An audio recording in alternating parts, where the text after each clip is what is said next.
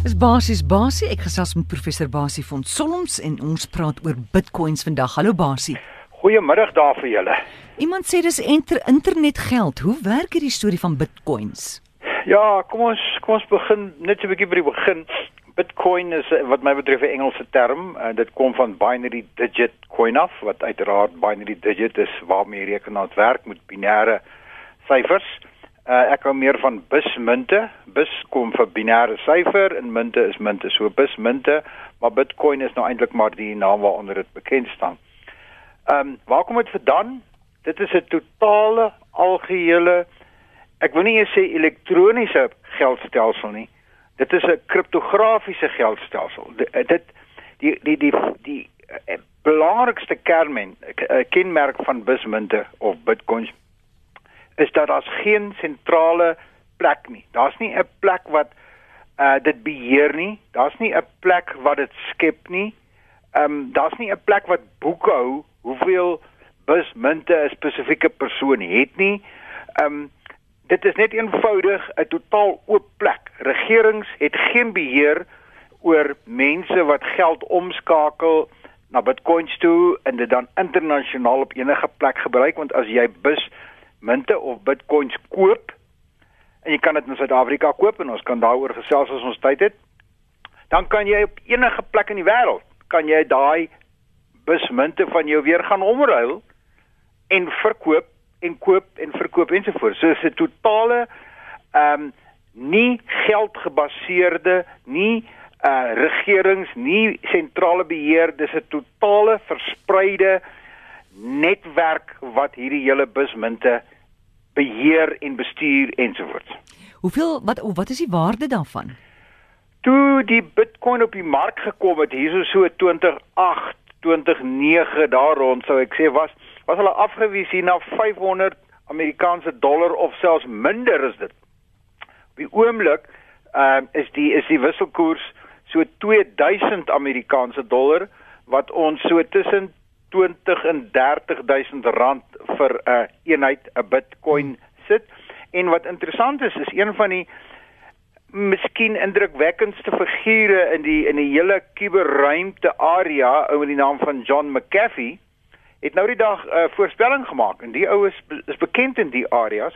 Hy het gesê dat binne 3 jaar gaan 'n Bitcoin 500 000 dollar werd wees. Nou 500 000 dollar, werk dit maar vinnig om is omtrent 8 miljoen rand.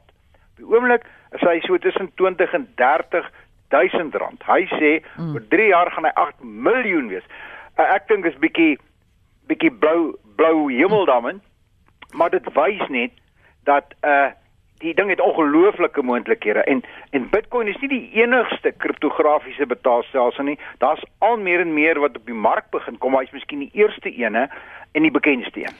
Nou waar koop mens dit? Dis 'n dis 'n goeie vraag. Uh, ek gedink jy gaan my vra waar kom dit vandaan want dis 'n moeiliker vraag, maar kom ons sê waar koop jy dit?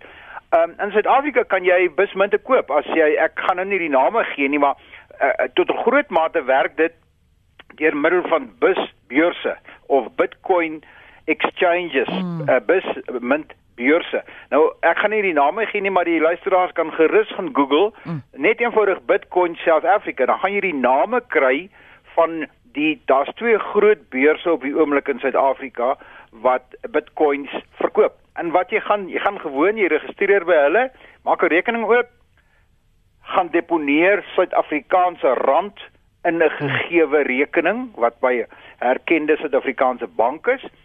Uh en daai rekening is natuurlik nou die Bitcoin beurs se rekening.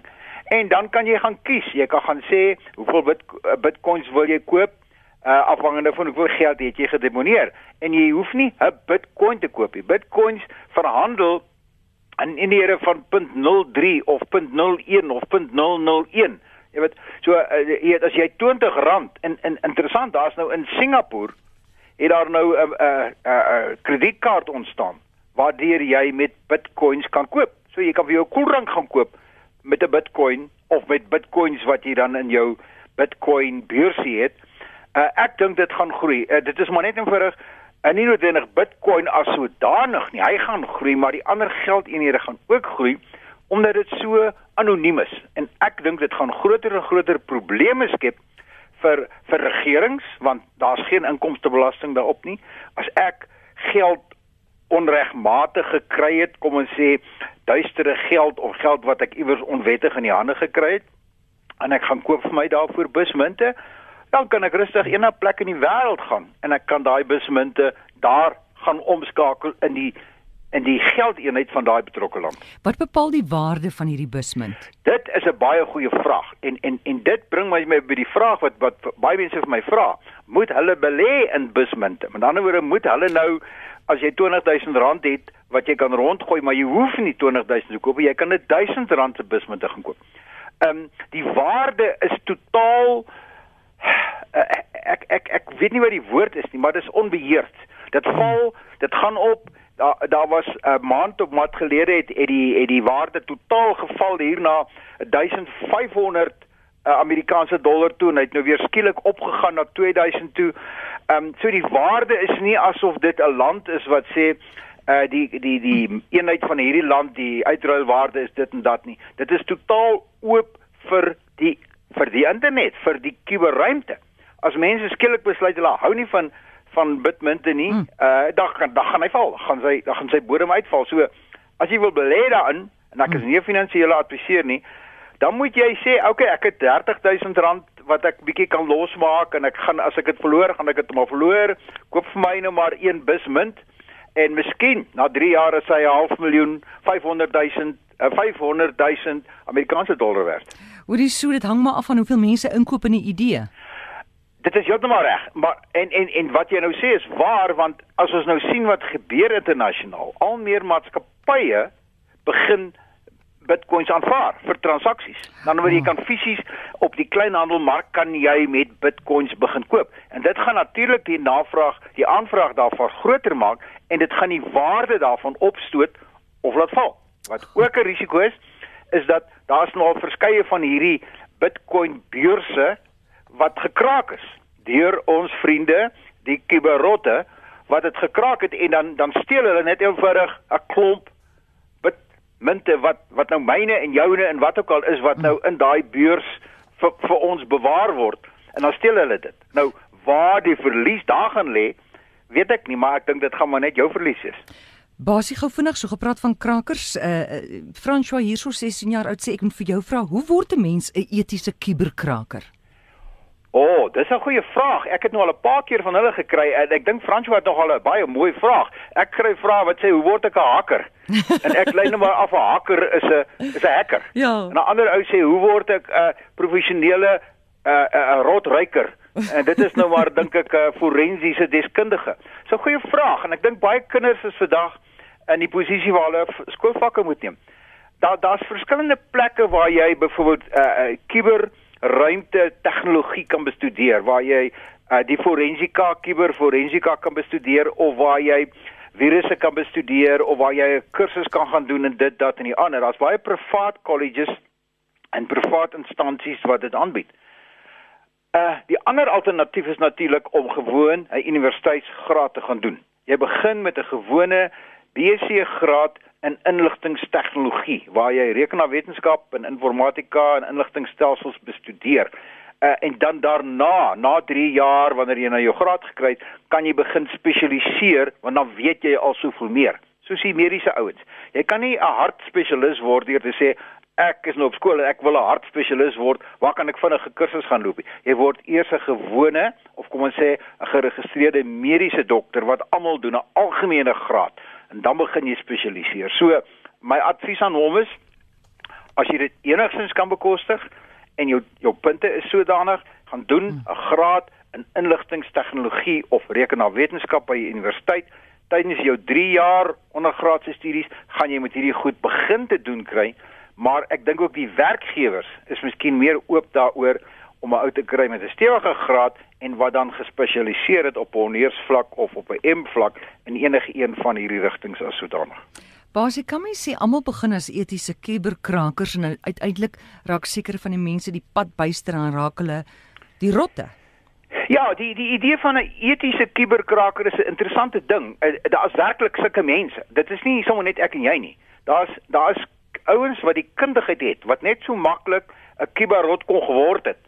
Maar hy sê nee, ek gebruik daai kundigheid vir my om stelsels te kraak, om stelsels te ontbloot, om netwerke, om gate in netwerke te vind op 'n etiese manier. En hulle daar's maatskappye wat dit doen. Hulle bied hulle dienste aan vir vir 'n bank of vir enige maatskappy wat sê ons gaan inkom en ons gaan maak of ons nou die slegte ouens is. En ons gaan kyk of ons jou stelsel kan inval. Ons gaan kyk waar is die gate.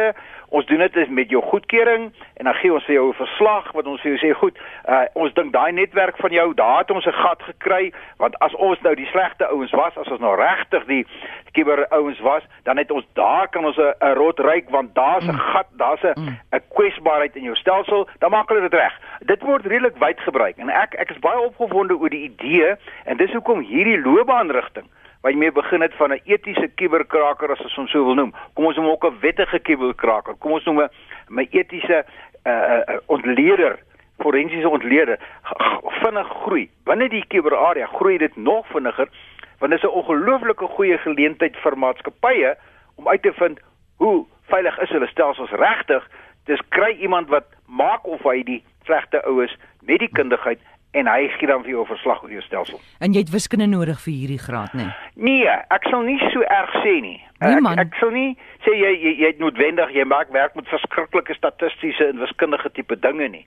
Sommige van die areas, byvoorbeeld die bitcoins waarvan ons gepraat het, is gebaseer op ongelooflike komplekse wiskundige algoritmes. Maar hierdie etiese kuberkraker vir ons het dit nie noodwendig nodig nie. Hy het net 'n goeie logiese verstand nodig En daarom vind ek nogal dat dat dames baie keer in hierdie area baie goed doen want hulle hulle het in baie gevalle het hulle 'n goeie logiese verstand. Uh, wat mans baie keer nie so goed het nie. Maar ehm um, jy hoef dus nie ek wil nie sê moenie wiskunde doen nie. My my my een groot groen vlag wat ek vir enige potensiële skoolier uitwaai is mm. sorg dat jou wiskunde so goed as moontlik is. Ja. As jy dit nodig gaan kry, dis die een hekkie. Baie ouens vra vir my, moet ek moet ek rekenaarwetenskap op skool doen?